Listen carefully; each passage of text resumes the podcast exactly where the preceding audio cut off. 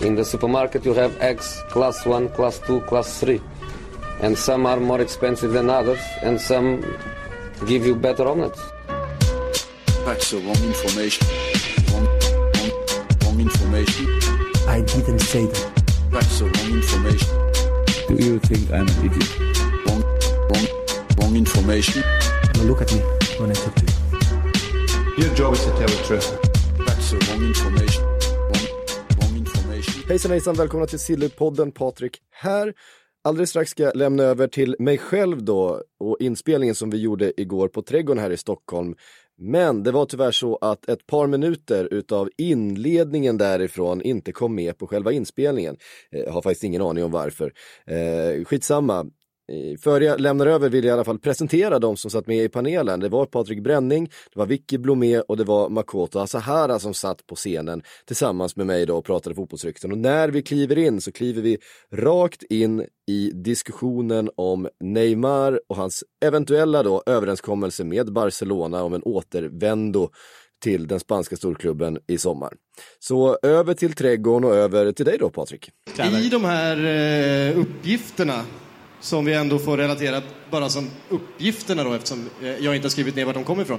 Eh, så ska alltså Neymar vara beredd att halvera sin lön. Ja, det är klart han inte är. Alltså det, det låter, låter- ju det- inte det som, finns ju inte. låter ju inte som Neymar. Nej, det, det låter ju verkligen inte som Neymar. Nej, så att, eh, nej, väldigt konstig uppgift. Väldigt konstigt. Väldigt få spelare som är beredda att gå ner i lön, är ju känslan överlag.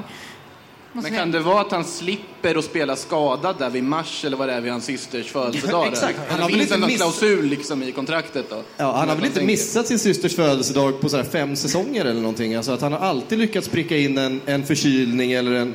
Eh, Långtidsskada. Ja, precis. Stukad näsrygg. Det är Eh, syskonkärlek, det här är någonting vackert. Du jag kan tycker det är klanka fint. ner på det här. Jag tycker det är fint. Jag tycker man kan unna Neymar också att få gå på födelsedagskalas. Ja, jag håller med. Det är- ju där det känns som han hör hemma på något sätt. Jag tror, att, jag tror att Neymar är oerhört bra på att fira födelsedagar. Ja, men såg ni inte bilderna från hans... eh, Det var väl födelsedag med man såg röda kavajer på allihopa. Det var, liksom, det var ju Sergio Ramos bröllop över alltihopa. Eh, Helt bisarra scener var det. Det var cirkuselefanter. De är kända för sin goda smak, de här nyrika fotbollsstjärnorna. Så är det ju tveklöst. Men man blir ju glad. Ja, man blir lycklig blir man. Ja. Och man vill ju att de ska bränna alla sina pengar. Det är ju därför vi ger dem så mycket pengar. De ska ju göra slut på dem. Ja, men alltså, om vi inte hade gett dem alla de här pengarna, eh, eller om vi... Nu när vi ger dem så här mycket pengar, då förväntar vi oss den här typen av underhållning, eller hur? Ja, men det- det är ju som det, liksom, väl det minsta vi det kan begära. brittiska kungafamiljen. Det är där vi, man vill ju att de ska komma i de dyra vagnarna med de konstiga hattarna så vi kan skratta lite åt dem. Det är ju det vi betalar dem för. Så. Ja. Eh, och det, de här uppgifterna hamnar ju någonstans eh, på konflikt med de andra Eh, uppgifterna. I och för sig, det här var ju uppgifter från Telegraph och det här blir man ju glad av när Telegraph kommer med uppgifter om att Griezmann kommer skriva på nästa vecka för Barcelona. då hans klausul, då, eh, eller hans prislapp sänks eh, i, enligt hans kontrakt. Kan vi utgå från att Telegraph bara liksom, ja, antar det här då med tanke på det kontraktet som han har? Det Känns som en kvalificerad gissning. Ja. ja, men vi brukar väl säga det. det är, har- är spelaren från samma land som tidningen är, då finns det väl en, en relativt stor chans att det, att det stämmer. Är, är klubben från samma land, då kan det också stämma. Men är det helt eh, out of the blue som här, då blir man ju lite osäker faktiskt. För det förväntar vi oss väl ändå att Griezmann ska dyka upp i en Barcelona-tröja nästa säsong, eller? Ja, alltså. Det var, jag tror vi har varit inne på det förut någon gång också. att Det var att Griezmann håller på att säga ja, vi får se vad som händer, jag vet inte och så vidare. Och så var det väl Atleticos president som gick ut och sa att "Nej, men nu får han lägga ner. Jo, han ska till Barcelona. Det var klart sedan mars. Liksom, sluta. Vi behöver inte någon mer dokumentärfilm. Men ja, jag tror han kommer gå dit förr eller senare. Jag tror att det finns en deal förberedd redan som bara ligger och väntar på att gå igenom. Så att det är ingen alltså, vågad gissning att göra att det finns ett kontrakt klart när den där klausulen slår in då och han blir billigare. Men alltså finns det någon som helst möjlighet att Barcelona värvar både Griezmann och Neymar? Nej. Det beror på hur dumma andra klubbar är när de ska köpa Coutinho och Dembélé. Ja, för det är ju det som är grejen. Då måste man ju avyttra dem, eh, de där eh, Neymar-pengarna som man har spenderat eh, tidigare. Lyckas man göra det, tror ni? Vem tar Coutinho för en och en halv miljard efter den säsongen han har haft? Manchester United. Ja, inte en och en halv miljard va? Ja, det beror på vad de får för Pogba i och för sig. Så att, eh, det är ju bara att låta det snurra igång i så fall om galenskapen ska, ska starta. Men då ska ju Real betala något rejält över det för Pogba för att det ska hända. Det, det känns ju också lite tveksamt just nu kanske. Alltså inte att de, ja. Så att, ja, det känns ju knepigt. Det är klart Coutinho kommer hitta en ny, en ny klubb. Jag tror liksom om ingen annan är intresserad kommer säkert PSG kliva in bara för att PSG kan. Eh, och sen Dembélé känns väl lite mer tveksamt. Han känns som de mycket väl kan bli kvar där. Ja, och, eh, alltså de här ryktena flätas ju ihop till något slags eh, ganska hopplöst nystan av Real Madrid, Barcelona och sen Juventus som ju kliver in i alla de här eh, rykteshärvorna för att eh, nu pratas det ju igen om att Pogba eh, själv ska vara intresserad, kanske ännu mer än av att gå till Real Madrid, just att gå till Juventus och få spela med eh, Cristiano Ronaldo. Ja, nej, men det, det är ju de ryktena som kommer. Samtidigt så har jag svårt att se att Juventus vill betala en enorm summa för Pogba. Ehm, jag tror på ett sätt att de håller det öppet ganska länge och kommer avvakta där lite. Ehm, nu är ju, sägs ju Rabiot vara nära Juventus, eh, gratis då, så att tar man den första så tror jag man, ja, man ligger nog lite lågt gällande Pogba ett tag till för att försöka få han till ett eh, lite billigare pris mot slutet av sommaren skulle jag gissa på. Juve behöver ju stärka upp sitt mittfält och eh, så ja, de tittar ju även på Milinkovic Savic och lite andra spelare som eh, också är intressanta. Så eh, jag är lite osäker på hur gärna de vill ha tillbaka Pogba och för hur mycket pengar de är beredda att lägga. För det verkar ju handla ganska mycket om just nu vad Pogba vill. Mer än någonting annat. Pogba vill en jävla massa saker men eh, alltså, det måste ju finnas klubbar också. Ja, det känns som en ny situation. För några år sedan så var det sådär, ja men då är det, de klubbarna rycker i den spelaren och, och sådär. Nu är det ju snarare så här, ja men Pogba vill flytta och Lukaku vill flytta och Neymar vill flytta och Griezmann vill flytta. Griezmann flyttar, köper ut sig själv. Det är liksom spelarna som är ute och jagar klubbarna nu för tiden snarare än klubbarna som jagar spelare känns det nästan som. Ja. Ett annat rykte som jag, eh, en sån här segway då in i, i nästa punkt på mitt körschema är ju Mattis Delikt där eh, Juventus också har lagt sig i förhandlingarna. Eh, uppgifterna som har kommit idag är att man är beredd att släppa sin supertalang, Moise Kean, till Ajax som en, som en del av, av betalningen för Delikt. En 19-åring mot en 19-åring och sen då ganska mycket pengar emellan får vi gissa. Vad ger ni för de här uppgifterna? Kan det liksom... Det, det kommer ju även från italiensk media också så att jag Precis. tror absolut det kan ligga någonting i det. Eh, det är ju främst i försvaret och på mittfältet som Juventus behöver prioritera att förstärka. Så att, att hitta en, eh, en ersättare i framtiden för Chiellini är ju större prioritet än en till anfallare. Sen eh, har supportrar idag varit ute och nästan protesterat för att man vill ha kvar Moise Kean då. Och det är ju en, en otrolig talang och en, eh, ja, jag tror ju att han har en, eh, alltså en stor framtid och skulle kunna ha det i Juventus. Men ja, det, är, det är frågan hur man väljer i anfallet och hur man, hur man väljer att prioritera. Man har ju Ronaldo, eh, man har Dybala, blir han kvar? Eh, eh, kommer Hig- Higuain tillbaka nu när Sarri är tränare i Juventus? Så att, ja, det kan ju bli trångt för Moise Kean där också. Även om eh, jag tror att det i längden är ett, eh, ja, att det är dumt att sälja honom. Samtidigt får du de Ligt så då har du tagit den eh, mest lovande försvararen i, i hela världen. Liksom. Att- mm. det här är svårt. Svåra val för Juventus.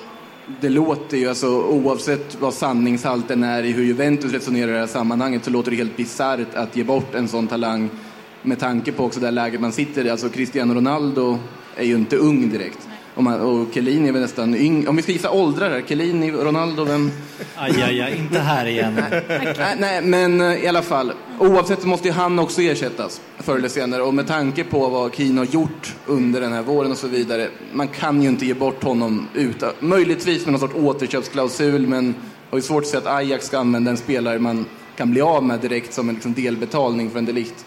Nej, och så känns det konstigt också. det- Alltså, problemet i Delict hittills har inte varit för klubben att komma överens med Ajax. Det har ju sagt att Barcelona har varit överens med Ajax liksom hela våren mer eller mindre. Mm. Eh, Det är ju Delict de inte kommit överens med och det är ju för att Mino Raiola har sett hur hans marknadsvärde bara liksom skjutit i höjden nu efter Champions League-framgången. Att Juventus då skulle ha problem att komma överens med Ajax, det känns ju väldigt konstigt. Det känns ju snarare som det är det där budkriget om Delict personliga kontrakt. Det är ju där det är dyrt och det är där det kommer bli jobbigt och det är där det finns liksom lönestrukturer att offra. Mm, och, och där har ju Raiola en, en relation med Nedved i Juventus som också sägs eh, ja, ha en stor påverkan på att Juventus har, ja, ligger bra till i, i förhandlingarna där nu med. Han har en skaplig relation med Leonardo i PSG också. Så att, Ja. ja. Han har bra relation med ganska många. Raiola ja. Han är bra på det där. han är väldigt bra på det där. Det är, det är ju fantastiskt ändå hur man kan göra sig ovän med så stora delar av fotbollsvärlden men ändå ha så mycket kompisar kvar. En sån här social kameleont som man säger väl, kan komma in i lite olika sammanhang där och ändå... Ja. Men får man komma hem till maffiavillan på en grillfest så förlåter man ju Raiola ganska snabbt. Så är det ju trots allt. Ja, Alltså, eh, nej, det har man ju inte tackat nej till. Nej, nej, där har man varit. Ja, där hade man ju kunnat eh, göra. Det gäller att akta sig för Maxwell bara. Mm. Någon annan historia. Nu blir det tvära kast hörni. Ja. Ja. Eh, Frank Lampard fyllde 41 för inte så länge sedan. Eh, och ska ha getts nu tillåtelse utav Derby att förhandla med Chelsea. Vi förväntar ju oss att den här... Eh, ja, där var det någon som blev lycklig. Jajamän. Här ute i publiken är det nu vilda scener när vi börjar prata om Lampard år. till, till Chelsea. Alltså, det, det, är klart att, det är klart att man blir eh, liksom nostalgisk och att det känns härligt med Lampard i Chelsea. Men är han, är, han, är han verkligen redo för det jobbet? Alltså, topp fyra är ju ett krav. Ja, men på, på vilka meriter får han jobbet? Det är det man undrar. Alltså, du, du kan ju inte Han är luta- bra in i andra vågeboxen. Exakt, Det är exakt. de det är meriterna riktigt som, som han- tränare. när som Mourinho han kommer in och klipper domaren. Exakt. Nej, men han kan klubben och allt det där, absolut. Och han kan ligan och allt sånt, absolut. Och han har spelarnas respekt, absolut. Men sen, det är ju resten som är tränarjobbet i stor del. Det där är liksom 10 procent av tränarjobbet. Ja, alltså mitt Milan har ju gjort några sådana där val av tränare. De kan klubben, men ja, de är väl inga riktiga tränare. Så, nej, nu ska inte jag säga så Pippo om Inzaghi. Lampard, men ja, han tog Benevento nu i, i Serie B. Så, att, eh, ja, så kan det gå också när man väljer Italiens gamla derby. legendarer. Alltså, om man tittar på Lampard och man jämför med till exempel Ole Gunnar så känns det ändå som att Lampard har ändå bevisat någonting rent tränarmässigt. Han har gjort ett väldigt bra jobb med Derby. Sen är det väl också ett led i ett nytt Chelsea, ett Chelsea som tänker på ett annat sätt, ett Chelsea som tänker inhemskt, som tänker liksom homegrown. De kanske måste göra det i och med transferförbudet. Samtidigt som såklart det finns bättre tränarnamn där ute och man lider ju av nostalgisjukan här precis som man gör i väldigt många andra klubbar. Men jag känner ändå att det finns ändå någon form av logik i det i och med att man nu blev av med Sarri. För vem annars ska ta över? Mourinho eller liksom? Ja, det svåra är ju vem som ska ta det, så är det ju. Men därför känns det ju som de offrar Lampard och han kanske också offrar sin chans att träna Chelsea här. Att han kommer in i en situation där han faktiskt får det för att de andra inte vill ha det just nu. Om det är ett transferförbud, det vet vi fortfarande inte om det är aktivt. Det känns ju väldigt oklart. Vi får väl utgå från att det är det i alla fall. Eh, då kommer det inte in en tränare där, framförallt inte när Abramovic inte, vad det verkar, vill göra någon ny stor satsning. Snarare att han verkar liksom vilja plana ut den här klubben, kanske sälja den på sikt eftersom han inte ens får vistas i Storbritannien längre. Eh, och då, vem ska ta det laget? Vem vill ha den klubben? Ja, men då tar vi in Frank Lampard, för han kan inte säga nej, för han brinner så mycket för den klubben. Men det är ju inte schysst mot Frank Lampard, för att om, om han inte får resurserna nu, om de säljer sin bästa spelare, det inte kommer in ordentliga förstärkningar, och så ska han ändå motsvara förväntningar om en topp 4-placering som inte är realistiska, och så misslyckas han med det, så, så kommer ju han vara struken som liksom tränarkandidat för Chelsea i framtiden, om han inte gör en helt fantastisk karriär efter det. Och det känns ju ganska orättvist mot liksom en klubbikon ändå.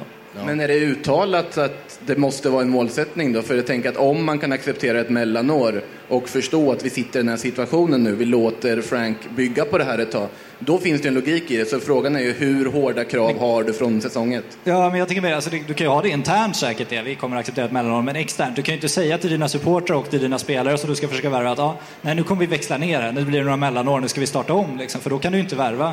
Du förlorar ju möjligheten att värva jättemånga spelare och den signalen kommer ju supportrarna inte acceptera. Nej, men internt så. alltså liksom. Ja, absolut, men då kommer ändå det externa trycket sen bli rätt tufft för honom tror jag. Så. Ja, jag är lite rädd att han kommer sitta på stupstocken snart. Och värvningsförbudet, det är ju, det är ju där. Det ska ju vara där. Det ska ju vara där. Och, Det ska eh, inte ens vara överklagat. Så att... Det som, det som eh, förväntas hända nu då, det är väl att eh, Chelsea permanentar Kovacic. Det är det första, för han är ju registrerad spelare redan. Det de behöver göra är att köpa loss honom. Det, det är en värvning de kan göra rent eh, regelrätt. Eh, och ja, alla värvningar. Jag säger inte att Kovacic har varit dålig, men, men om... De har om, någon kille på lån också va? Som de kan ta in du? kanske. De har väl någon kille på lån också va? Som de kan ta in kanske. En och annan tror jag. Någon, ja. Eh, telefonen hos Vitesse. Man skulle vilja sitta i receptionen där. Ja, det vore trevligt. Vitesse kommer inte ha ett lag nästa år liksom. Då åker alla hem.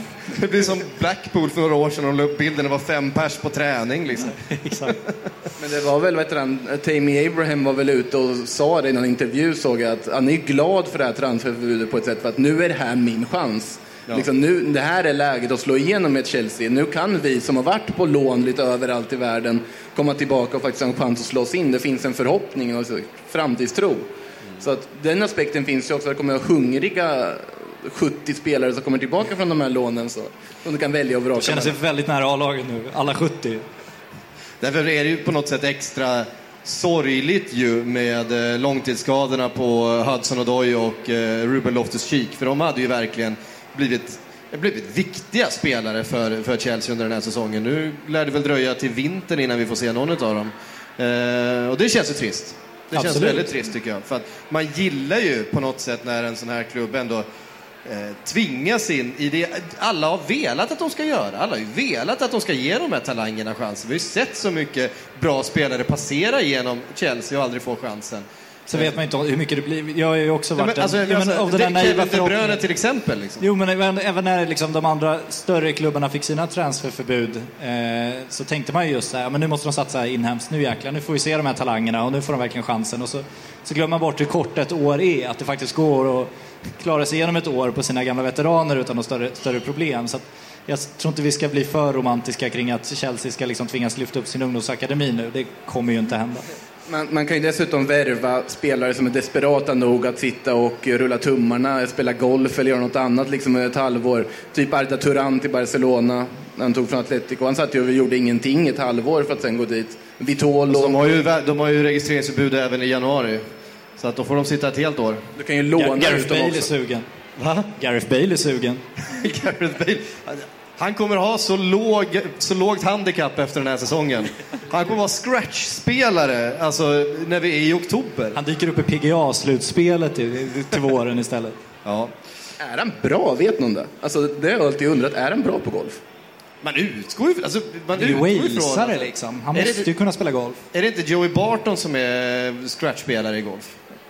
Ja, När han slår på bollen eller slår han på andra människor? Eller vilken, vilken disciplin av golf är det du räknar nu? Jag vet inte hur han, eh, hur han kom dit, men jag tror Nej. att han är just eh, golfspelaren ganska, ganska duktig.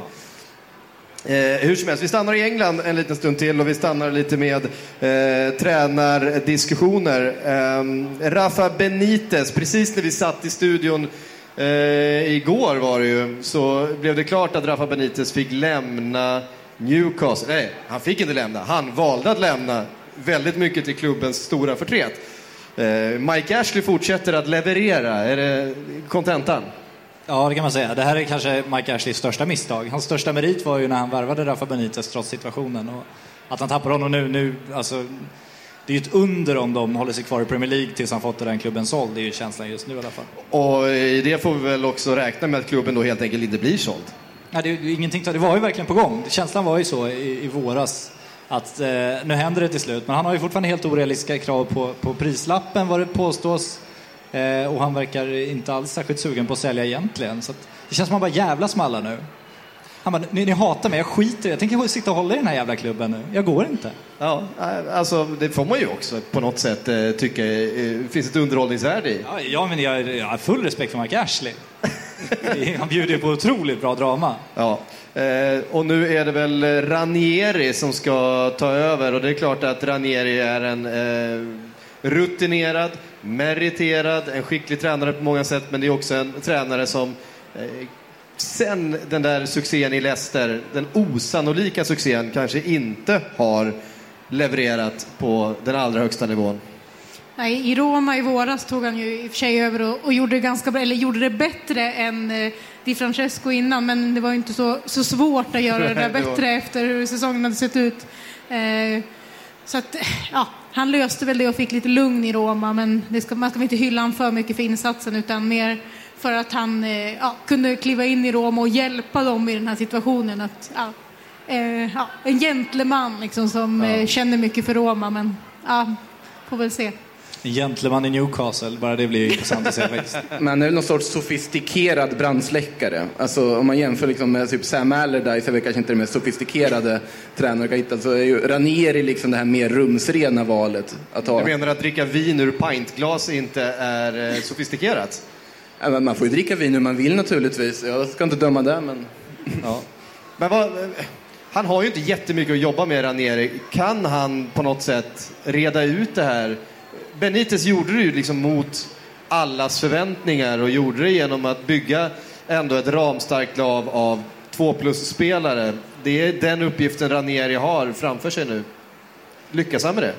Alltså, det Benitez gjorde så bra var ju att han lyckades ändå bygga ett lag utifrån att han inte fick något av det han ville ha någon gång. Utan det var ju konstant att liksom Mike Ashley satt och jävlades med Benitez också. Att han ens var på tapeten att faktiskt förlänga och vara kvar i Newcastle är ett under. Det var ju som en skänk från ovan. Men på något sätt som jag såg att någon skrev också att Newcastle-fans är typ inte värda att få glada saker. Det händer inga glada saker när man håller på Newcastle.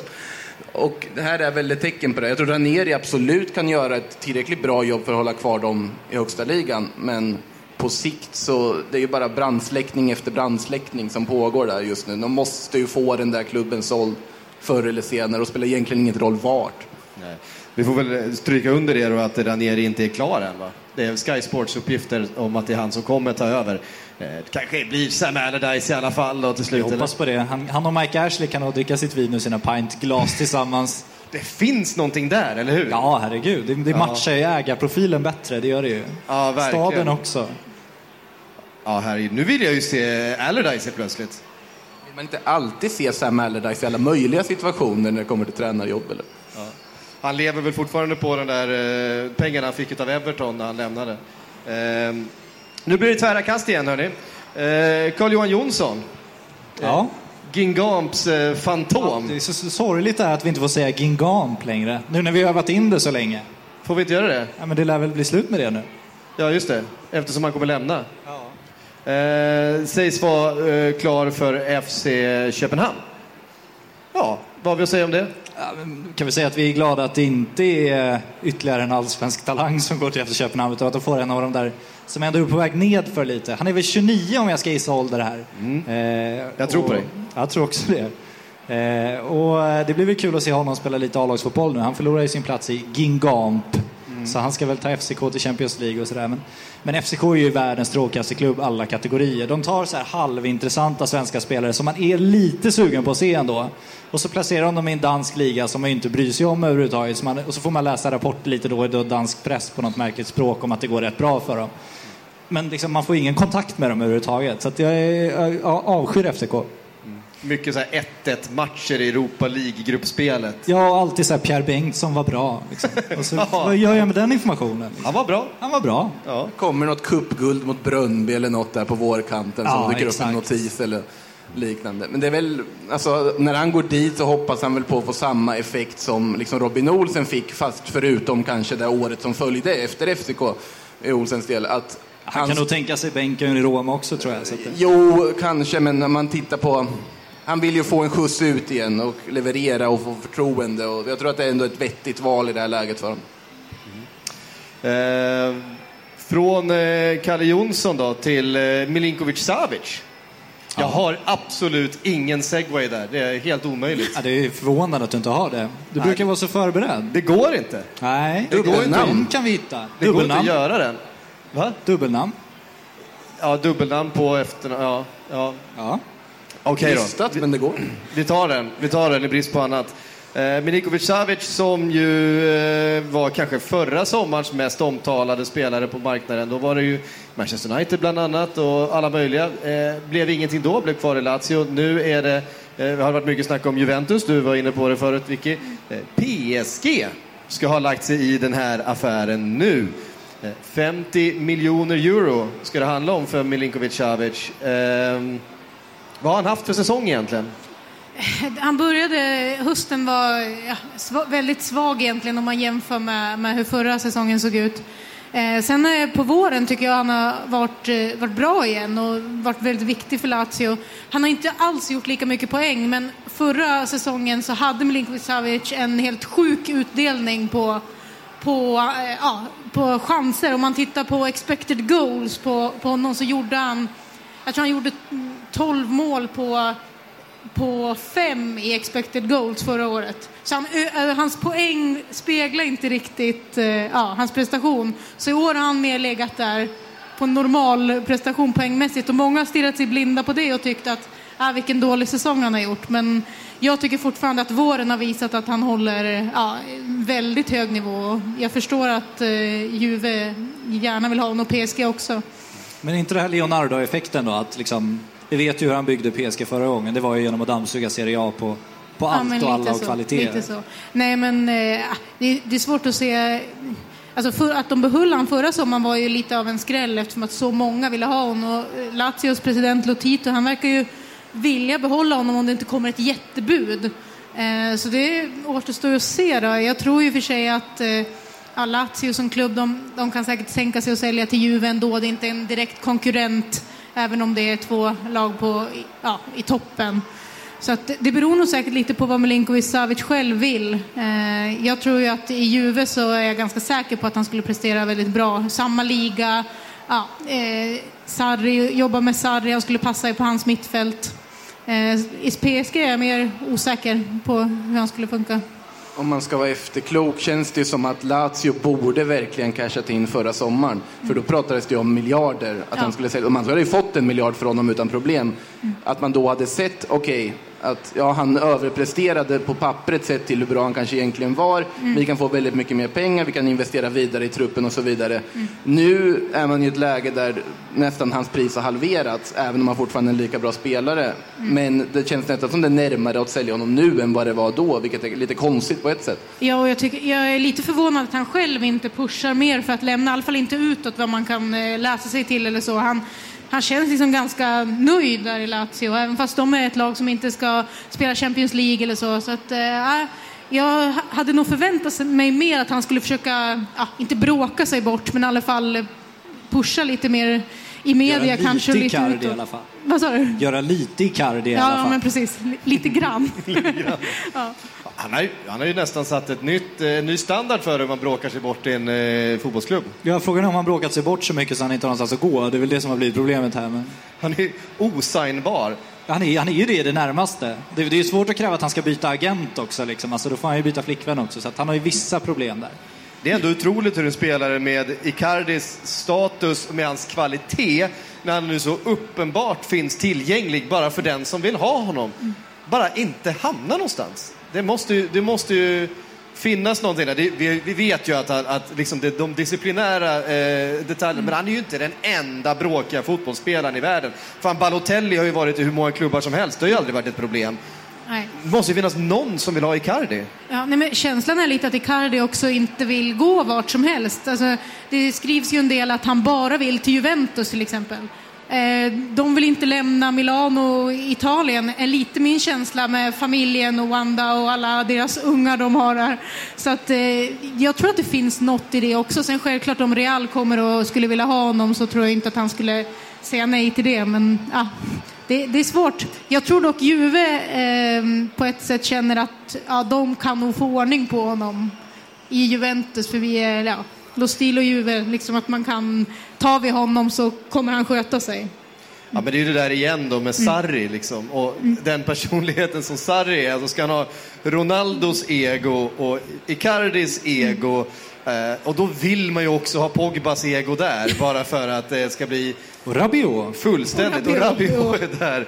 Det är ju en... eh, Det känns ju inte som ett Sarri. Det är ganska långt från det, det han hade till exempel. Med det var så Ja. otroligt snälla, fina killar. Ja, verkligen. Men det sägs ju att Sarri just vill ha Icardi också.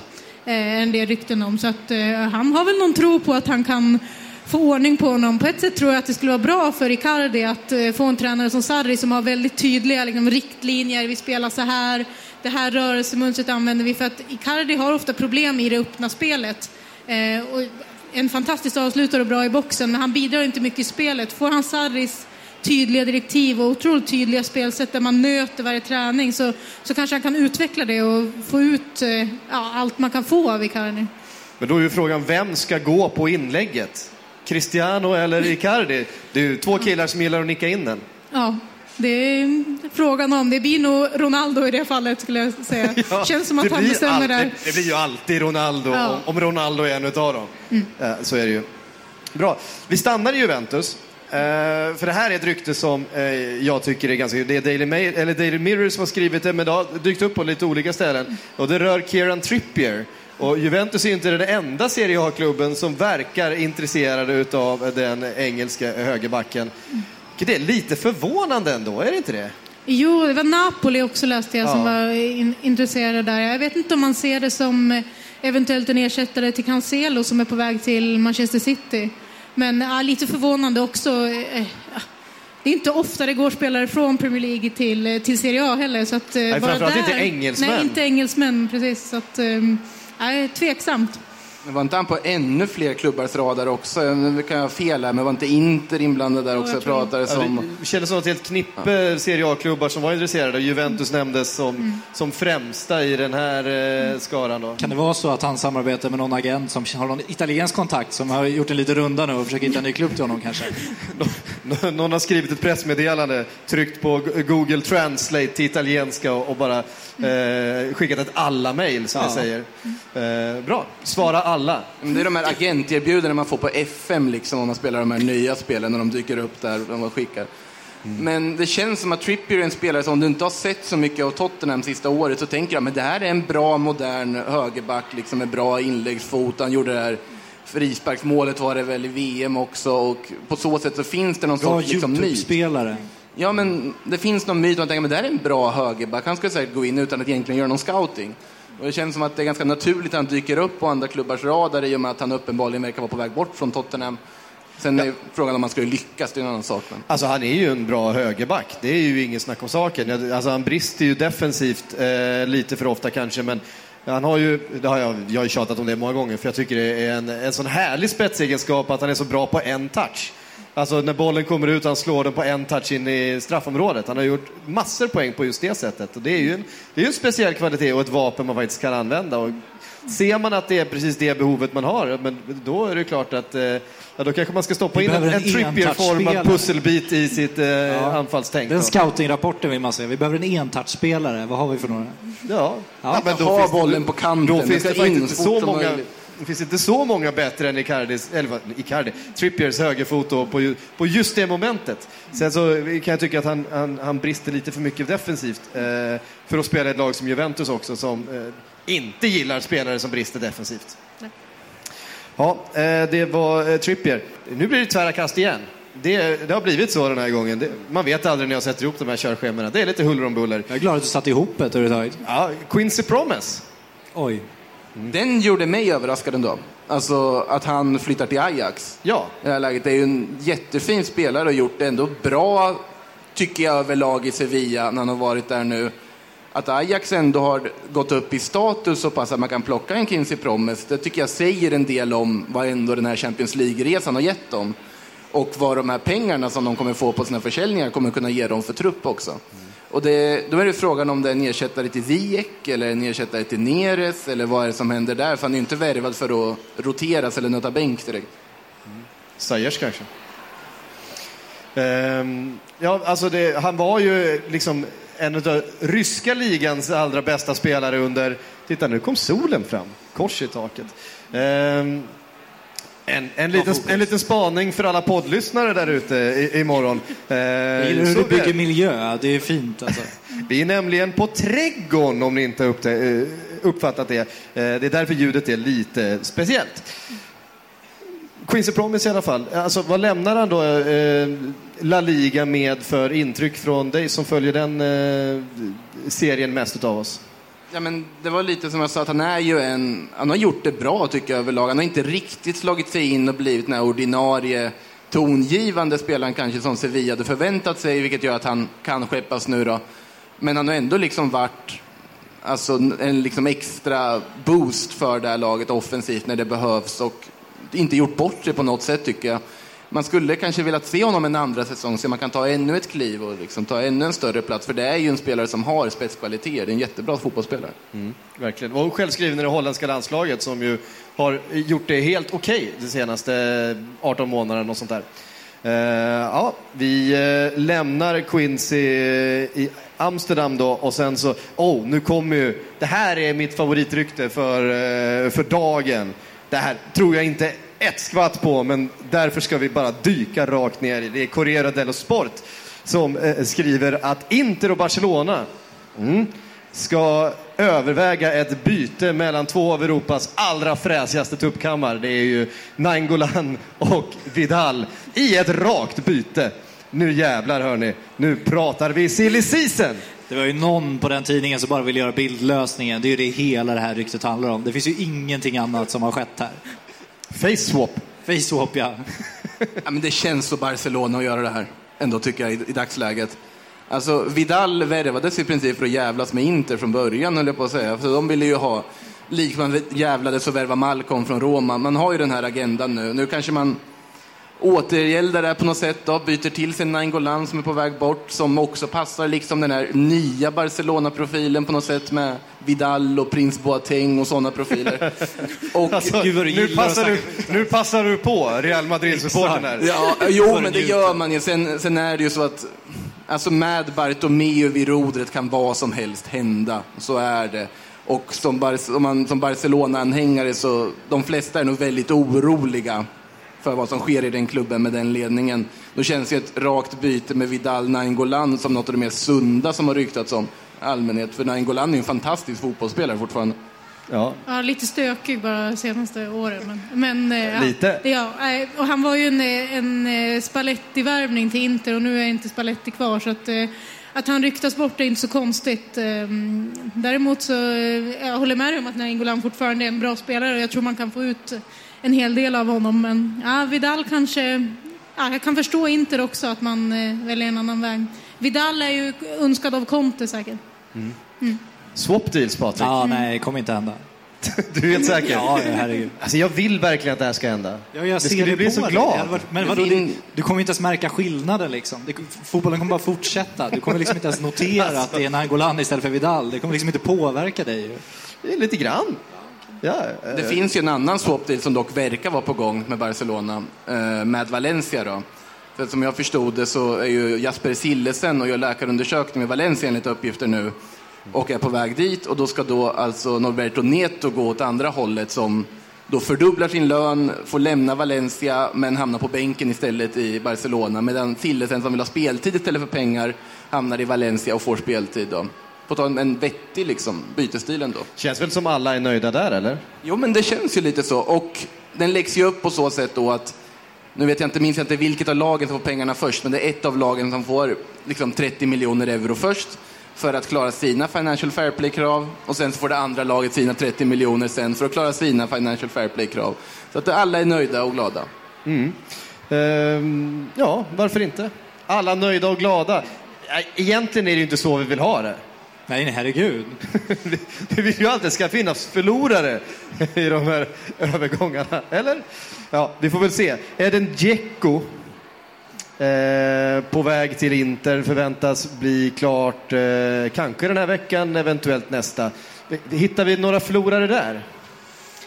Ja, det... Bara förlorare, va? Ja, men lite.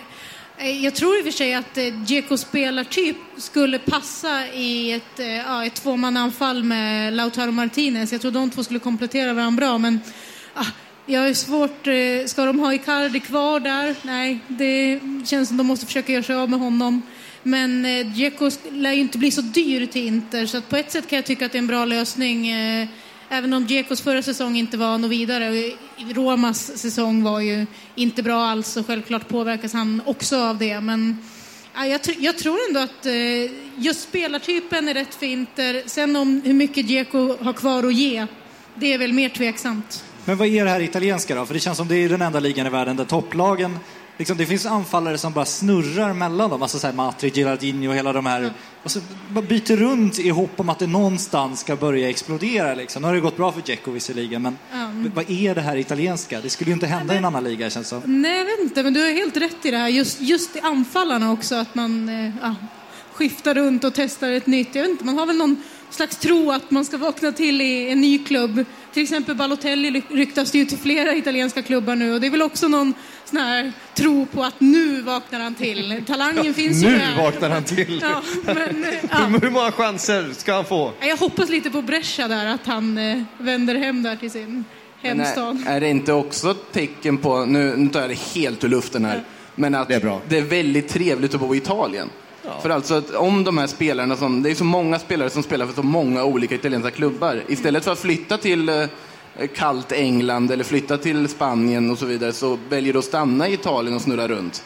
Titta på Higuain till exempel, han har väl, vad är det, Roma och eh, Inter kvar va, så han tagit alla topp fem runt. Och det är många spelare som har sådana karriärer, så det kanske ligger i något att det är så skönt att bo i Italien så att folk vill vara kvar där oavsett om de byter klubb hit och dit. Jo, men så är det. Alltså på tal om skönt i Italien, eh, Vicky, vi måste prata lite Milan. För vi har inte pratat så mycket Milan i podden den här eh, sommaren än så länge. Det är Torreira. Kan ni lösa Torreira? Ja, det verkar ju som det på rapporterna. Jag är ju dock väldigt förvånad och så här, fan vill du komma till Milan ens? Vet du vad du ger in på? Men han verkar ju så sugen på att återvända till Italien och till eh, Gianpaolo som är tränare i Milan nu, som han hade i Sampdoria innan han gick till, till Arsenal. Så att, eh, det verkar vara det som är otroligt avgörande för Troira själv. Eh, sen sägs ju Arsenal vilja ha 40 miljoner euro ungefär. Milan ska ha gett ett bud på 30 runt, så att det finns väl en del att lösa. Men är Torreiras vilja så stark att lämna så finns det ju förhoppningar för Milan. Och det vore ju en eh, riktigt, riktigt bra värvning. Eh, just den eh, registerrollen behöver ju ja, behöver Milan förstärka på. Man valde, ju att inte köpa loss Bakayoko som ja, hade en rätt bra säsong i Milan ändå måste man säga till slut. Så att, eh, det vore riktigt, riktigt bra och det är ju en önskan från Gianpaolo såklart att, eh, att eh, få hem Torreira till, till sitt lag igen. Eh, det lyckades ju en del om Albin Ekdal också eftersom att han har gjort det bra under Gianpaolo i år i, i Samp. Men ja, jag antar att eh, ja, Gianpaolo ja, håller ju såklart Torreira högre och kanske ser att i Mil, Milan som ändå vill tillbaka till toppen, där krävs det en nivå över vad Albin Ekdal kan bidra med, även fast han har gjort en jättebra säsong i Serie A. Eh, vi ska återkomma lite mer till, till vad mer som händer vid Milan. Jag vill bara stanna vid Torreira ett tag. Kan, har Arsenal verkligen råd att släppa eh, Torreira i det här läget, tycker ni? Man väntar ju på att Arsenal ska göra någonting efter det här Ramsey-prestigeförlusten och sådär. Exakt, de kan ju inte börja sälja spelare. De måste ju köpa spelare. Det är det som är, måste ha nya spelare, inte sälja de få som faktiskt har gjort eh, liksom, hyfsade säsonger då, även om det mattades av något. Men om man verkligen vill, vill tillbaka till Italien, det är klart, alltså, du har inget val i den situationen, så är det. Det går ju inte att, att hålla fast vid en sån kille, det kommer inte fungera. Eh, så att, samtidigt också, det vore ju välkommet för Arsenal att få in lite kapital så att de faktiskt kan göra de där investeringarna och vänta på, för det står ju tvärstill alltså. Och det känns ändå som de har, för första gången på många år, en, en, en bra- en bra utgångsposition truppmässigt. De har ju satt anfallet, det funkar ju kanon liksom. Börja bygga lite bakom också så kommer det ju, alltså det känns som de är på gång tycker jag verkligen. Vi, vi, för er Arsenal-supportrar där ute så har vi också ett eh, Arsenal, ett spelare in eh, rykte som vi ska diskutera om en liten stund där. Men jag vill ändå, eh, när vi har lämnat Torreira, vill jag stanna lite vid Milan. För vad händer där egentligen? Gianpaolo in, hur ska han bygga det här? Vad är det, vad är det han behöver? Spelare som kan lämna? Ja, alltså, först och främst så är det ju problemet med Financial Fair Play som Milan har. Att man, ja, eh, det som man tror nu är att Milan kommer uteslutas från Europa League och får då istället ett år till på sig att eh, ja, balansera sina böcker helt enkelt. Och eh, samtidigt kommer det rapporter om att man kan eh, handla för 60 miljoner euro den här sommaren. Plus eh, den pengarna man får in om man gör en större försäljning. Så att det är uppgifterna vad man kan göra. Eh, ja, det är svårt, tyd, svårt att tyda just nu tycker jag. Ehm, men eh, självklart måste William Paolo ha inspelare som passar i hans system. Eh, han är en tränare som alltid egentligen har kört ett 4-3-1-2. Så att eh, det finns ju några spelare som Soso till exempel som är en typisk ytter, eller en wingspelare som ja, kanske kan vara en spelare som man kan få en hel del pengar för, som kan offras. För att få in, ja, en central mittfältare behövs och eh, troligtvis en anfallare. Eh, man behöver en, eh, någon som kan spela bredvid Piontek längst fram. Eh, tro, troligtvis tycker man inte att Cotrone håller. Ser ut att eh, kanske lämna Milan, att man vill ha in något annat där. Eller om André Silva får komma tillbaka från sin lånesejour och få chansen. Men jag tror att det är anfallet, en anfallare, en mittfältare och eh, att man, man tittar på lite yngre försvarare som kan eh, backa upp där på både vänsterbacken och, och, center, och en, en mittback. Men det är just Suso och eh, Kessi som man nog kanske får offra för att få in lite mer pengar. De kan man ändå få lite, lite pengar för. Finns det några konkreta intressenter på de här spelarna i dag- i dagsläget som du sett? Nej, alltså Kessie är ju... Det sägs att Premier League-klubbar är beredda att betala där för honom. Men eh, det är inget konkret än. Samma sak Soso. Och eh, i Sosos fall eh, delas i uppgifterna också att man, eh, man menar på att Gianpaolo kan tänka sig att testa honom i, en, i rollen bakom anfallarna, i trekvartista-rollen. Så att det är också lite osäkert på vad Gianpaolo vill göra där med, med honom. Men att en spelare som man kan få lite pengar för måste ut, det, det verkar ganska bestämt. Hur, hur är stämningen nu runt klubben och med supporterna så här inför eh, den här mellansäsongen som man förväntar sig? Ja, det har ju varit många mellansäsonger. Det blir San. Siro kvar också när, ni, när OS kom till, Mi- ja, till vi får Milano. se. Men nej, det är väl, känslan är ju när man missade Champions League-platsen här i sista omgången och sen eh, lämnade Leonardo för, för PSG. Så, eller är han klar? Ja, han är klar för PSG. Jaha, Mm. Eh, så var väl känslan att vad, vad händer nu med klubben? Men sen dess har man ju fått behålla Maldini en, som teknisk direktör. Man har plockat in Boban som någon slags direktör också. Och man har en ny sportchef i Massarra eh, från tidigare Roma. Så att det har ändå blivit en positiv känsla nu i början av Mercaton, fast inget riktigt konkret har väl hänt än. Man har träffat lite spelare, men ja, man har gjort klart med Kronic från Empoli. Det är liksom där man, man står just nu. Men Kessie då? För det pratas ju om Mm. Tottenham, det pratas om Arsenal. Eh, hur bra skulle du säga att han är? I sina bästa dagar är han riktigt bra, men en ojämn spelare tycker jag som blandar och, och ger. Eh, jag tror i och för sig att han skulle passa i Premier League. Eh, tuff spelare, fysiskt stark, löpstark. Eh, så det tror jag. Men ja, han har lite mer att bevisa under, ja, för att hålla en jämn nivå under en hel säsong. Eh, jag tr- tror att eh, det är nog kanske den bästa lösningen för Milan att släppa honom för han går att ersätta med mittfältare som kanske inte är lika stora namn på pappret men kan nog utföra hans roll ja, ganska liknande i alla fall, tror jag. Donnarumma, vad händer där? Det är också PSG som det snackas om, Leonardo. Ehm, det sägs att eh, Donnarumma vill stanna i Milan. Men det är också en potentiell försäljning om man behöver ha in, ha in pengar såklart. Eh, Milan sitter ju på en väldigt ung lovande målvakt i Plizzarri som ja, många, ja, han är rankas som en av de hundra bästa talangerna och, och en, en lovande målvakt på alla sätt. Så att man, vissa hävdar ju att det kanske är helt rätt att släppa Donnarumma i det här läget och satsa på honom om man har Reina som kan rutinerad och kan spela också. Så att, eh, ja, Måste det är sälja svårt. brorsan också då bara, det är det som är Ja, och problemet. sticker, den ena får ju brorsan hänga på, det tycker jag. Vad ska vi ha han till då?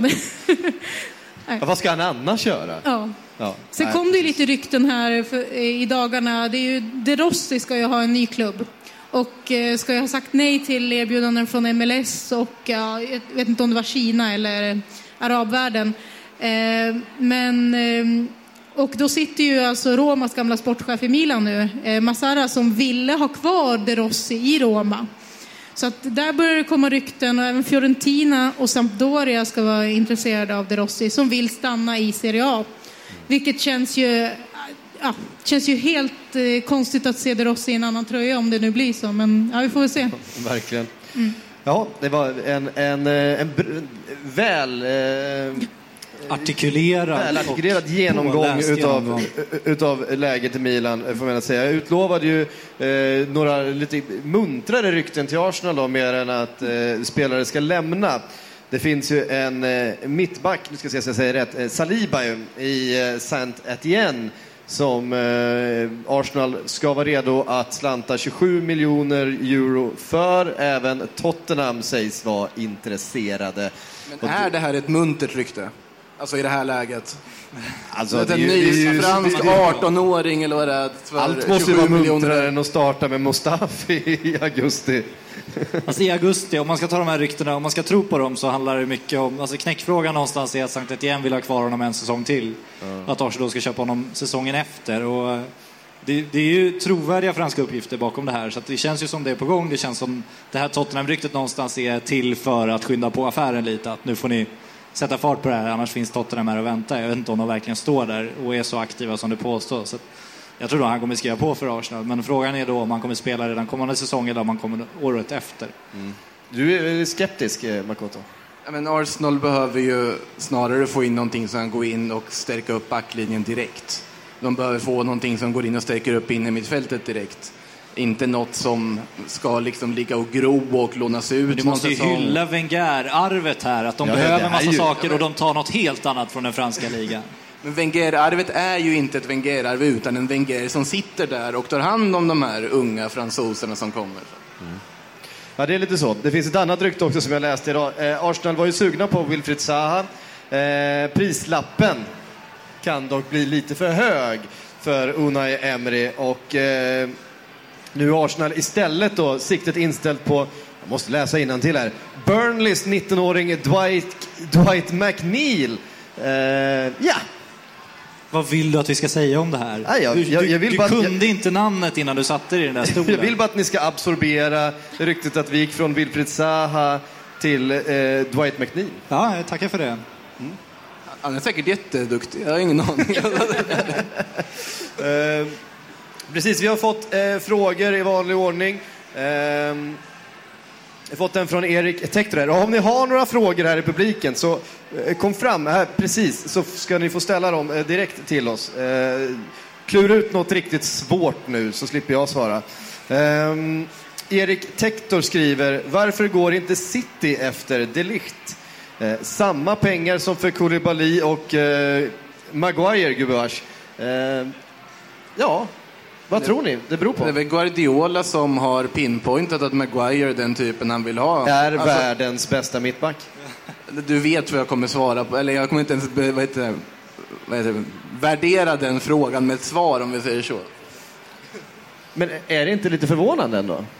Ja, det kan man tycka, men jag vet inte. Nej, jag tycker, det känns också som City ogärna vill ge sig in i de här lönebudkrigen. Alltså, vi såg ju det med Alexis Sanchez. De ville ju ha Alexis Sanchez, det var ingen snack om den saken.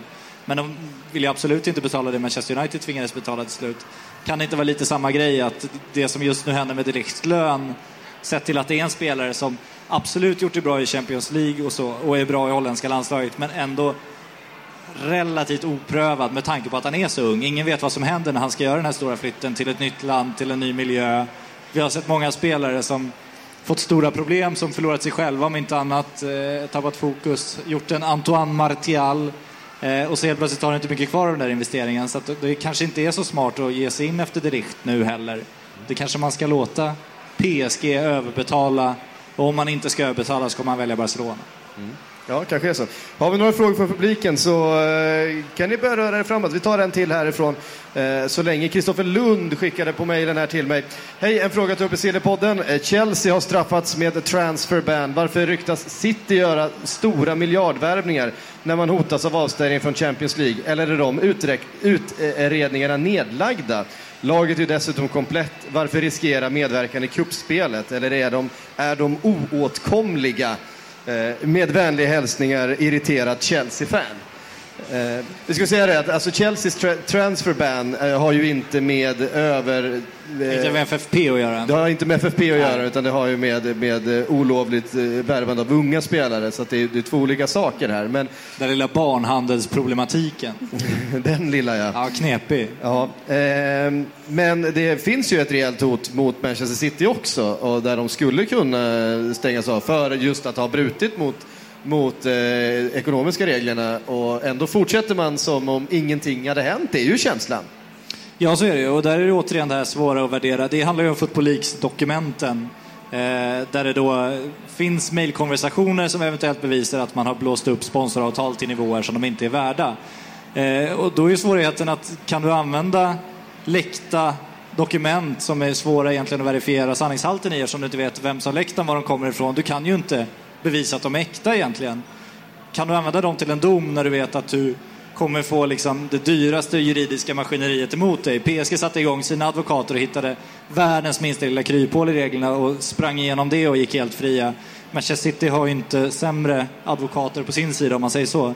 Så jag vet inte om Uefa verkligen är redo att eh, kanske ta en sån prestigeförlust till. Eh, för det kommer ju återigen ifrågasätta hela regelverket. Kanske lättare att bara hålla käften tills alla glömt den, som fotbollen brukar vara väldigt duktig på att göra. Ja, precis.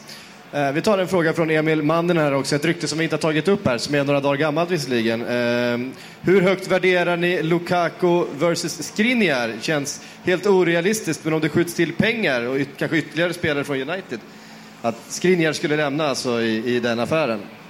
Jag, jag tror ju inte att, att Conte vill släppa Skriniar i sommar. Eh, speciellt inte om man vill köra en trebackslinje. Så att, eh, jag har svårt att se, se dem släppa honom. Då ska det till mycket pengar tror jag. Inte, inte att man vill byta någon spelare där utan jag tror man vill ha pengar för Skriniar. Och han, är, han har varit fantastisk den här säsongen och den stora egentligen ledaren i Inters försvar och många ser han som en framtida lagkapten. Så eh, jag tror att Contes vilja att behålla honom väger ganska tungt där.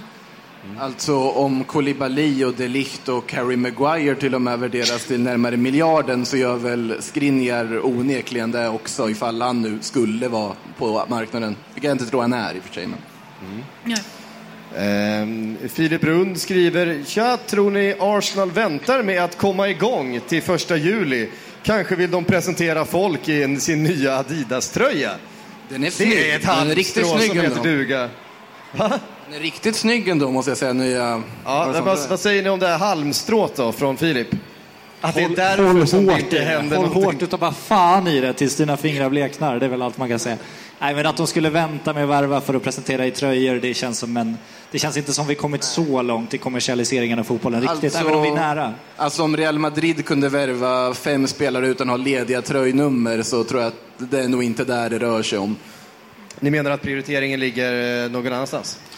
Ja, prioriteringen Eller att väl- anledningen till att... Nej, men det man kan ifrågasätta är ju, just med FFP så kan man ju tänka att det kommer ett månadsskifte som kommer förändra eftersom det går in i ett nytt år då. Så att det, det förändrar onekligen saker. Men att det skulle bli, liksom påverka, det är väl det som eventuellt kan påverka att, att värvningar dröjer. Men ryktena borde vara fler i så fall. Vi har fått en fråga från eh, publiken. Eh, säg gärna vad du heter också. Jag heter Emil eh, och jag undrar vart eh, André Herrera ska. Ja, det är en bra fråga. Han har lämnat Manchester United. Eh, känns som en eh, spelare som borde vara intressant för väldigt många, inte minst nere i Spanien såklart. Hem till Basken tänker jag direkt. Att det är väl det logiska på något sätt. Sen är det ju fortfarande en väldigt bra mittfältare och det borde ju vara intressant för väldigt många, alltså spanska lag, att värva honom, kan jag tycka. Men jag har väl inte sett någonting konkret, nu har inte jag letat i och för sig heller, men Bil- Atletic låter ju ändå relativt logiskt. Bilbao helt enkelt. Ja, det var ju inte? lite lösa PSG-rykten i början. känns- De dog ju. Alltså nu, nu kanske man är sån, man stirrar alldeles för mycket på själva eh, fotbollshierarkin här. Att man tycker att det är liksom ett för långt steg ner för en spelare som är där. Jag menar, det var det en säsong sedan han blev vald till Manchester Uniteds bästa spelare. Liksom. Eh, visst att det är, hem, det är hem och så vidare, va? men har han, inte, har han inte mer kvar att ge på liksom, eh, Europatoppen? Ja, man tar ju hellre in André Herrera än Adrian Rabiot känner man ju, i alla fall för kommande säsong. Alltså jag tänker också liksom i, i Italien, men att ta ett Milan till exempel, om de hade kunnat lösa en Ander Herrera, så det är ju nästan om man hade tagit honom hellre än Torreira om jag ska vara riktigt ärlig. Ja, nej, det, jag tror absolut att det är den rollen också som Milan söker lite. Så att, eh, nej. Men det är Gianpaolo där som vill ha Torreira. Jag tror det är det som, som avgör. Men vi får väl se om det blir... Får man inte honom kanske man tar nästa i listan då. Ja, eftersom han är kontraktlös kan han ju bli den typen av, av spelare som väntar ut det hela också och blir den som, som klubbarna tvingas hugga, eller får hugga när de tappar sina första alternativ. Och där är väl PSG också en sån klubb. Det känns ju lite Det osäkert. pratades ju en hel del om PSG det för det. Herrera i eh, våras. Exakt, och det känns ju lite osäkert vilken väg de ska ta, om de ska försöka få Pogba eller vad de ska göra. Liksom. Alltså, när de är klara med sina storvärvningar eh, och ska fylla ut sin trupp så kan han nog vara ett namn där. Men alltså Atletic är inte ett steg ner från United vill jag ju tillägga också. Det är ungefär bara... Jo, jo, det, det måste det väl ändå vara. Vi pratar Och Manchester det kommer från United. Patrik Syk här. Ja, men alltså herregud. Eh, det är ändå Manchester United. Eh, någon, någon, någon, någon slags rättvisa får vi väl ändå ha, även om de kanske ligger lite skrynkligt till eh, just för stunden. Ja. Hade vi några fler frågor på publiken? Ja, vi har en här nere. Ja, du, får, du får komma fram här. Eh, jogga lite lätt med ölen i handen här. Ehm, ja, kom, kom fram så att även lyssnarna där hemma får höra vad du säger. Hej! Eh, Takefusa Kobo, den här unga japanen. Hur, hur bra är han egentligen? Är du Makotos kompis som han har tagit hit för att få den här frågan nu undrar jag? Det här är liksom Makotos våtaste dröm att få liksom fri plan och prata japaner här. Jag satt ju och tittade på honom nu i natt eh, när de mötte Ecuador, fick han ju lira. Och där man kan se, han fick ju starta två matcher för Japan här nu i Copa America. Där man på något sätt spelar ihop ett lag som ska vara bra under Tokyo-OS om ett år. Och Kubo, det är svårt att liksom bedöma efter att inte sett så mycket av honom ändå, men man märker ju att det är en spelare som har någonting extra. Man förstår att många i Barcelona varit besvikna på att man tappar den här spelaren.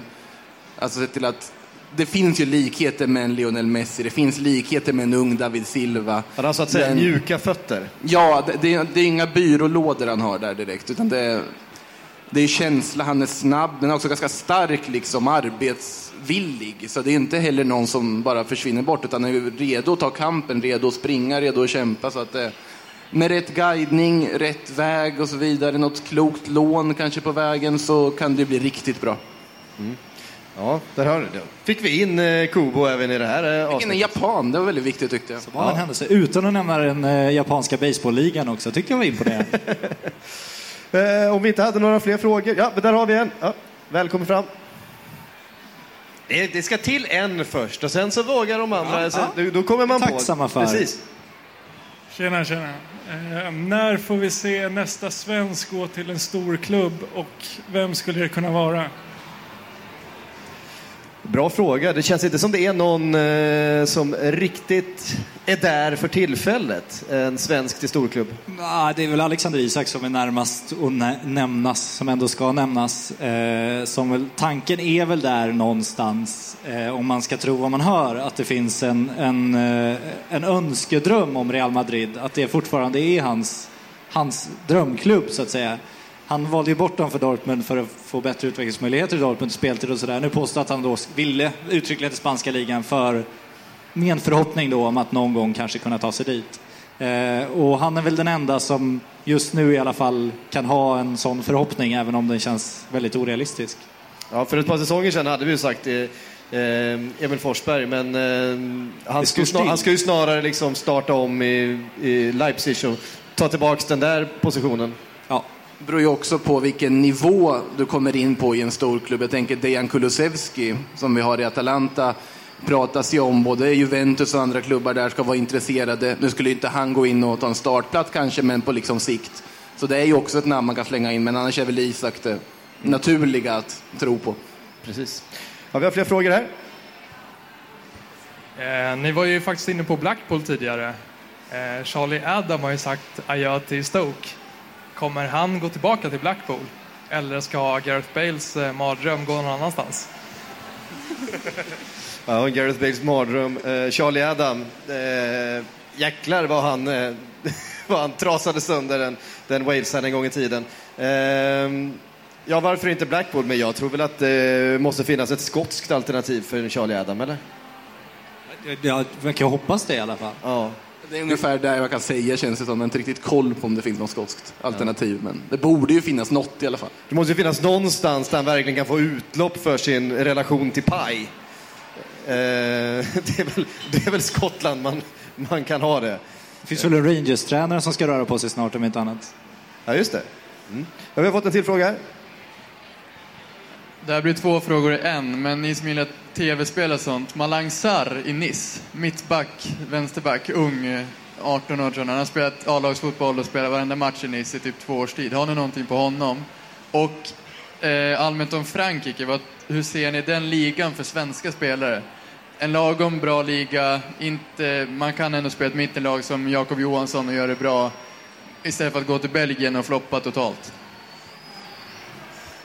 Inga ja, alltså namn det här med, det här med tv-spel, det, det känner jag inte alls igen. Så att det, det får jag helt och hållet lämna över till någon annan tror jag. Jag går ju till den yngre generationen då. Ja, alltså nu har inte jag upplevt, nu vet jag inte om det är Fifa eller FM vi pratar, men jag vet inte liksom. Malang Sarr har ingen koppling till direkt personligen kan jag väl säga. Han är inte japan alltså. Ja, just därför. Det är bara japaner jag spelar med i alla tv-spel, inget annat. Nej, men jag har tyvärr inte så mycket på Sarri, men det känns ju som att om han är upphypad i de här tv-spelen så dyker de ju förr eller senare upp på klubbars radar också. Så, men han får väl fortsätta leverera ett tag till kanske innan han verkligen slår igenom. Eller så dyker han upp när vissa tidningar har det tråkigt och måste hitta på något nytt rykte eller någon ny talang som ska in någonstans. Franska ligan då, som ett steg för svenskar. Eh, vi har ju sett Kalle Jonsson lämna eh, nyligen, det gick ju sådär, men vi har ju sett andra göra det helt okej. Eh, Jimmy Durmaz har väl haft en habil fransk karriär? Ja, gjort det väldigt bra. Eh, ända sedan Kim Källström var en, en av världens mest aktade mittfältare, ska vi utan att överdriva. Zlatan hade ju också en okej tid i Frankrike. Ja, hyfsat. Jag vet inte om PSG i Frankrike, det är något annat. De svävar i någon egen zon. De räknas inte riktigt, Nej, nej. inte riktigt. Men jag tror franska ligan som mellansteg tror jag att den är svår, för den är väldigt, det är ju en väldigt krävande liga, både taktiskt och fysiskt. Den är, den är ingen du, du liksom som om du kommer till den holländska ligan och får fritt blås offensivt och allt förtroende och sådär. Franska ligan är väldigt, väldigt mycket svårare. Så det, det tror jag inte är så lätt. Och sen den belgiska är ju vad den är. Där handlar det mycket om att hitta rätt lag. Alltså går du till Gent, det är ju en sak, men går du till Genk, det är ju någonting helt annat liksom. Ja. Eh, det där T och K ska man ha jäkligt bra koll på. Om vi tar Benjamin Nygren då som gick till Genk, som gjorde rätt val, som stavade rätt på sitt klubbnamn. Så borde han ha jättefina möjligheter som han kommer till den bästa klubben i landet. Nu ska de visserligen sälja en handfull spelare från startelva, men, men de kommer fortfarande ha ekonomiska resurser och de kommer satsa på honom för han är en betydande investering för dem. Så han kommer nog ha större lycka än vad Isak Kiese Thelin hade till exempel. Eh, får vi hoppas i alla fall. Men eh, franska ligan som mellansteg kanske är svårt. Så franska ligan som, som slutmål skulle nog vara ganska passande för många svenska landslagsspelare däremot. Mm. Alltså jag måste säga, är det, undrar om det är någon som har gjort en sån här Robinho eh, och tagit fel? Ni känner säkert till den historien att han, han, han trodde att han hade signat för Manchester United och så var det Manchester City, för han visste inte att det fanns två lag i Manchester. Ehm, Sen fick han se lönechecken och så höll han käften. Liksom. ja, så, så gick det bra ändå. Ehm, eh, om det är någon som har trott att de skulle signa för, för Gent och så hamnar man i Genk. Alla som skrev på för Gent har gjort det. Bra, vi har fått en fråga till här. Yes, tjena. Eh, gammal U21-koppling. Eh, John Guidetti och Isak Kiese. Någonting om deras nuvarande klubbar, eventuellt vart de ska ta vägen och även kanske lite om deras insatser i landslaget senaste tiden. Ja, vilka insatser får man väl då? Ki- eh, Kiese var ju för fan ordinarie när vi klev in i det här. Liksom. Eh, han spelade jättemycket i början. Nu är han ju ordentligt petad efter att inte få speltid alls i, i Tyskland. Mm. Eh, han är väl inte het på marknaden direkt. Om man kollar på hans CV så finns det ju en del fina klubbar men det är ju inte så fina siffror till höger om dem i kolumnen om man säger så. Så han får väl vissa problem. Eh, John får ju en ny tränare. Eh, Han sågade ju sin förra längs med fotknölarna sist. Så att, eh, han har väl förhoppningar om att, att spela vidare. Det man ändå kan respektera mycket Guidetti tycker jag, han, han sa på senaste landslagssamlingen att jag hade kunnat spela i en sämre liga och kanske vore i landslaget. Men om valet står mellan det och spela i La Liga så väljer jag ändå La Liga. Eh, och det sa han med all ödmjukhet då. Han menar inte att han ska vara given i landslaget om han spelar i en annan liga. Absolut. Så att han spelar ju där han vill vara och han får spela Inte jättemycket nu, mer eller mindre utfryst under den här trän- tränaren, men annars tycker jag han har gjort det helt okej de senaste åren. Alltså så dålig är han liksom inte.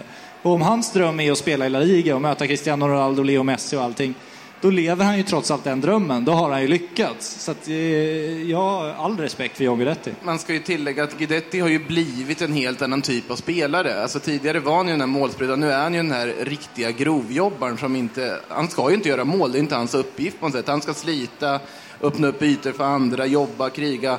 Och den rollen har han ju fyllt ganska bra i alla väst. Det var den rollen han togs in för. Problemet var ju inför förra säsongen, han får den här skadan i början av säsongen som gör att han hamnar lite utanför rotationen. För de gick ju in i säsongen med fyra forward och spelade med två anfallare. Det var Cajeri, det var Borja Baston, det var Sobrino, det var Guidetti. Sen gick det ju väldigt bra för Sobrino, sen gick det Valencia sen och så vidare. Cajeri levererar mål och Guidetti hamnade nästan sist i den här liksom, hierarkin. Och då är det ju svårt att ta sig upp. Du började experimentera med att ta in Ibai Gomez som anfallare och så vidare också. Det, han fick inte plats helt enkelt. Och våren har han ju fått lite mer speltid, får sina inhopp och jag tror ändå att han är högt värderad av alla. Han är omtyckt i Spanien. Han är en typ av person också som många gillar i Spanien. Han tar för sig, vågar prata spanska även om det inte är liksom ett enda Alltså, den- grammatiskt den är- rätt. Ja, men det, det är underbart, det är precis så du ska göra. Han gör ju helt rätt på det sättet. Man hoppas att han är kvar, för att vi behöver ha svenskar kvar i La Liga. Nu har ju Isak kommit hit också i och för sig, men jag tror att om man accepterar att vara en truppspelare, att kanske vara utanför startelvan ibland och bara få en kvart speltid då och då, så finns det ändå en framtid för honom i ett lag som ungefär på alla nivå. Det tror jag. Oh, vi har en fråga kvar. Det får bli sista den här faktiskt. Kevin heter jag. Eh, Jag är Arsenal-supporter. Eh, Tror ni att det blir storstädning i Arsenals trupp för att få loss kapital? Typ Özil försvinner, Mustafi och så vidare. Aubameyang. Ehm, Eller vad tror ni om eh, Emil Smith Rowe och eh, Reece Nelsons eh, nästa säsong? Ja, vi har varit inne på det. Det har varit mycket snack om att Arsenal faktiskt har inte, så, inte har så mycket pengar att röra sig med. Eh, vilket är ju lite förvånande med en klubb som Arsenal som borde. Arenan är ju man. klar för fan. Va?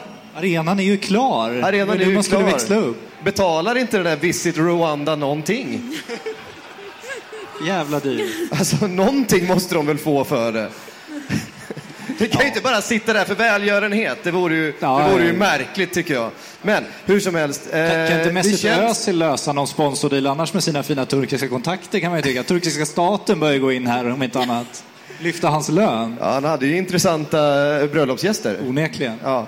Eh, jag tror att eh, Özil är en spelare, så skulle det komma in ett bud så skulle Arsenal släppa. Det är jag helt övertygad om. Jag tror att det är bara väldigt, väldigt svårt att få in, få tillbaka den investeringen som man har gjort i honom och eh, att den ekonomiska smällen blir för stor helt enkelt. Och det är väl den stora risken. Mustafi har inte direkt höjt sina aktier, eller stärkt sina aktier säger man, senaste säsongen. De har väl aldrig varit så låga som de är nu. Kom ju ändå med, med ett hyfsat renommé från Spanien. Aubameyang, absolut. Aubameyang, men Aubameyang Han är för gammal ändå. Ja. Alltså för att få de pengarna så att det är värt att sälja honom. För han är ju så pass viktig för Arsenal att du tjänar inte så mycket på att skeppa honom i det här läget. Lacazette är väl egentligen samma sak. Att det är ju i sånt fall Özil. Annars Men- tycker jag att... Ja. Jag vill fråga också om Smith Rowe och, och talangerna som finns där. Där finns ju eh, fina... Jag tror ju, gans- jag tror ju fortfarande ganska mycket på Guendouzi, även om han blandade och gav ganska mycket. Förra säsongen så såg man ju en, en riktig kvalitet i honom de stunderna då han var bra. Och jag tror att med åldern såklart, han är ju 19 år gammal. Eh, väl? Eh, ja, Nu är Han har fyllt där 20 igen. tror jag ändå. så, så, eh, Hur kan du så landa där ju- hela men, tiden? Men alltså den där högsta nivån som vi har sett, den kom, det kommer ju bli hans nivå i framtiden. Det känns ju... Eh, för, för min skull var det rätt uppenbart att där har de ju en, en spelare att bygga någonting runt för framtiden. Han är klart att han inte är där än. Eh, Smith Rowe har väl visat lite mindre kanske. Eh, än så länge är en spelare som man i England tror jättemycket på såklart. Ehm, kan säkert bli någonting. De har, ju, de har ju en bra organisation. Det är väl Ljungberg som ska se till att de blir bra nu för tiden. Man ska slussa talangerna mellan akademin och A-laget. Ja, exakt. Om pengarna nu inte eh, räcker för att investera på samma sätt som övriga topp 6 ja, förutom Chelsea då som inte får investera, eh, ja, då är det ju genom talanger och genom egen produktion som det måste hända helt enkelt. Så ja, men det känns ju inte som någon kris i Arsenal. Det känns som att de sitter ganska bra för första gången på, på flera år. Jag tycker ändå det finns en uppåtkurva där. Jag tycker att det finns, de har löst anfallsfrågan som varit liksom det Man stora löst- problemet. som brukar vara det svåraste. Så. Ja. Alltså, problemet är ju hur säsongen avslutades. Det är ju det som gör att man sitter här och ändå tänker att det är någon form av kris fast det inte är det. Du förlorar en eller Europa League-final på sättet du gör och du missar Champions League. Såklart är det liksom en smolk i bägaren du, och då blir det som att men det här är precis som vanligt igen. Vi är lika alltså, hopplösa fortfarande. Fast det är man ju inte. Man har ju ändå, det finns så mycket ljuspunkter att jobba på. Ja, där var det. Har en fråga till kvar. en fråga kvar. Det får bli sista frågan för sen måste vi verkligen eh, runda av det här. Tack, då ställer jag den snabbt. Det känns som en återkommande fråga, men om Everton värvar Neres nu, är det rimligt att man äntligen tar sig in på topp 6 då, eller kommer det aldrig hända? Eh, Alltså det korta svaret är väl att det aldrig kommer hända, men... Stannar vi där, tycker jag. Om man vill utveckla lite grann eh, så, eh, så är ju Everton ett utav de där tre, fyra lagen som på, på ett par säsonger, om man träffar alla rätt. Jag tror inte det räcker med en sån värvning för att göra det. Det finns fler positioner eh, som man måste förstärka för att topp 6 är svårt. Nu ska ju sägas, med Chelsea med det mellanåret de har, där Manchester United befinner sig, eh, eventuellt kan man hota något av de lagen om de fortsätter ha, eh, att, liksom att saker och ting går emot dem på det sättet som, som det har gjort. Eh, men att etablera sig i topp 6, det tror jag eh, blir för svårt. Man har inte de, de finansiella musklerna helt enkelt. Att på sikt, vi sett också att flera av de bästa spelarna från förra säsongen var spelare som var på lån. Det är liksom inte en investering man har gjort för, som man kan bygga någonting på. Det, det är mer kortsiktigt. Um, man hade en väldigt lovande eh, samling unga spelare för ett par år sedan som man inte riktigt lyckades förvalta kan jag tycka. Det finns ett helt gäng spelare där som, som man trodde väldigt mycket på som, man, som skulle på något sätt både bilda en ryggrad men också skulle kunna avyttras för att Eh, få in kapital för att kunna bygga det där laget som skulle ta nästa steg. Men det verkar svårt och det är nog mycket svårare. Framförallt när det kommer ett Wolverhampton som kommer med oerhörd kraft. Vi ser ett West Ham som investerar bra eh, som kommer utmana. Det, de är inte de enda om det heller, så att det, det är även de man ska liksom plocka in i det här. Så att jag tror inte det kommer hända. Det kan såklart hända om allting går rätt, men jag tror det kommer nog ta ett par säsonger och då måste man pricka hundraprocentigt med de eh, värvningarna man gör. Så. Är det någon som vill tillägga? Nej, jag njöt av det långa svaret. Skötte det utmärkt. Vad bra, det var allt vi hann för den här gången. Tack, tusen tack för att ni kom hit till Trädgården, alla ni som varit här. Ge er själva en applåd. Fantastiskt ju. Tack Vicky, tack Makoto, tack Patrik för att ni var här. Tack alla ni som har lyssnat där hemma. Vi är tillbaka med ett avsnitt till i slutet på den här veckan. Sen ska jag ta semester. Hej på er. I think I worked for 16 years here in England, and I deserve a bit more credit than wrong information.